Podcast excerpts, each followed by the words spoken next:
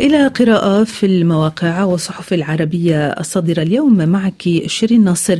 بداية جولتنا بصحيفة الخليج الإماراتية ومقال بعنوان نحو وقف الحرب على غزة. هذا ما نقرأه رولا ليوسف مكي أنه لم يكن لحكومة نتنياهو مواصلة الحرب ضد شعب غزة من دون ضوء أمريكي أخضر ومساندة عسكرية أمريكية مفتوحة. لا تزال إدارة الرئيس الأمريكي جو بايدن تعد لها المزيد.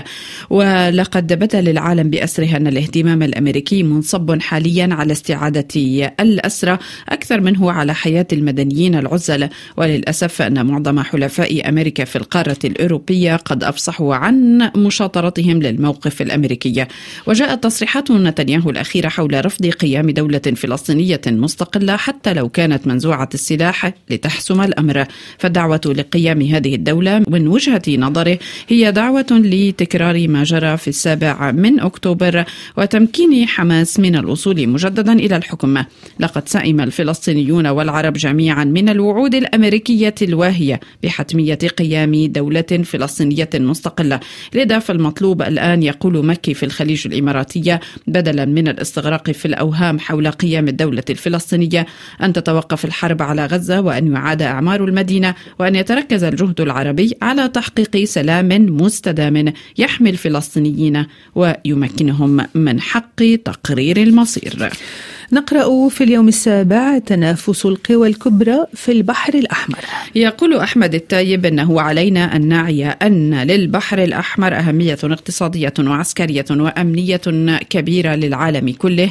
ليس فقط لاعتباره أحد أكثر طرق الملاحة البحرية الدولية بل لأن الدول المشاطئة له من أهم المراكز العالمية لإنتاج الموارد الطاقوية وأن مضائقه وجزره تعد نقاطا استراتيجية أمنية مهمة. نعم الصراع في البحر الأحمر بدأ منذ عدة عقود لكن ما يحدث الآن ينظر باتساع دائرة الحرب في المنطقة وبنشوب حرب إقليمية كبرى. لذا وحسب التايب في اليوم السابع المصرية يجب أن يدرك الجميع خطورة ما يحدث في المنطقة والإقليم وأن يدرك أن كل ما يحدث الآن في البحر الأحمر ينذر بكارثة مستقبلية وأن عودة الاستقرار قطعا ستبدأ بوقف إطلاق النار في غزة ونجاح الوصول إلى تهدئة حقيقية بين فلسطين وإسرائيل لأنه وببساطة المنطقة باتت على برميل من بارود انفجاره مسألة وقت لا أكثر في ظل رفض إسرائيل وقف إطلاق النار وتهديدها باجتياح رفح. وفي ظل مواصلة الولايات المتحدة دعمها لإسرائيل وحرصها على الاستثمار في الصراع من أجل مصالحها. إلى الأخبار اللبنانية وإسرائيل تحاول فرض معادلات جديدة جنوب لبنان. تلفت الصحيفة إلى أنه بعد فشل الضغوط الميدانية السابقة ومساعي الوفود الأجنبية للترويج للمطالب الإسرائيلية وإحباط أي أمل بتحقيقها وجدت إسرائيل نفسها مدفوعة إلى رفع مستوى الضغوط في محاولة لتوجيه مروحة من الرسائل. أبرزها أن تل أبيب على استعداد لتوسعة المواجهة دون أن يعني ذلك أنها تتجه نحو حرب واسعة وشاملة. في هذا السياق يندرج قصف الغزي قرب صيدا ضمن دينامية الميدان وترجمة لرفع مستوى الضغوط حيث انتقلت إسرائيل إلى محاولة إرباك حسابات حزب الله عبر وضعه أمام خيارين. التكيف مع السقف الجديد من الاعتداءات أو الرد التناسبي الذي يدفع إسرائيل باتجاهات أشد والتدحرج نحو مواجهة كبرى. النتيجة الأهم بحسب الأخبار هو أن حزب الله ليس في وارد الإذعان للشروط الإسرائيلية التي ستفتح الطريق أمام تغيير جذري في المعادلة التي تحمل لبنان.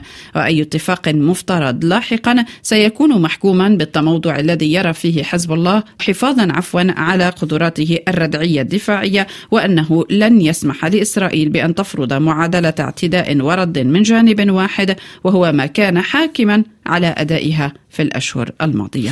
فشل العقوبات على روسيا. نقرأ هذا العنوان في الإندبندنت عربية.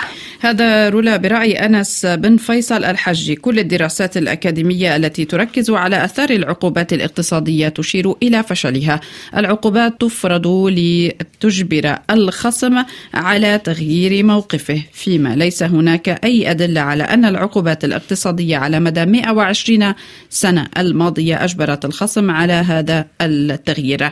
بعبارة أخرى السياسيون الغربيون ظهروا أمام شعوبهم أبطالا بسبب مواقفهم الصارمة من بوتين وحظر النفط الروسي لكنهم يستوردون المنتجات النفطية من الهند والصين ودول أخرى وهي الدول التي قامت باستيراد النفط الروسي وتكريره ثم شحنته إلى أوروبا وشعوبهم. المسكينة لا تدري أن ما يستخدمونه هو نفط روسي أصلا.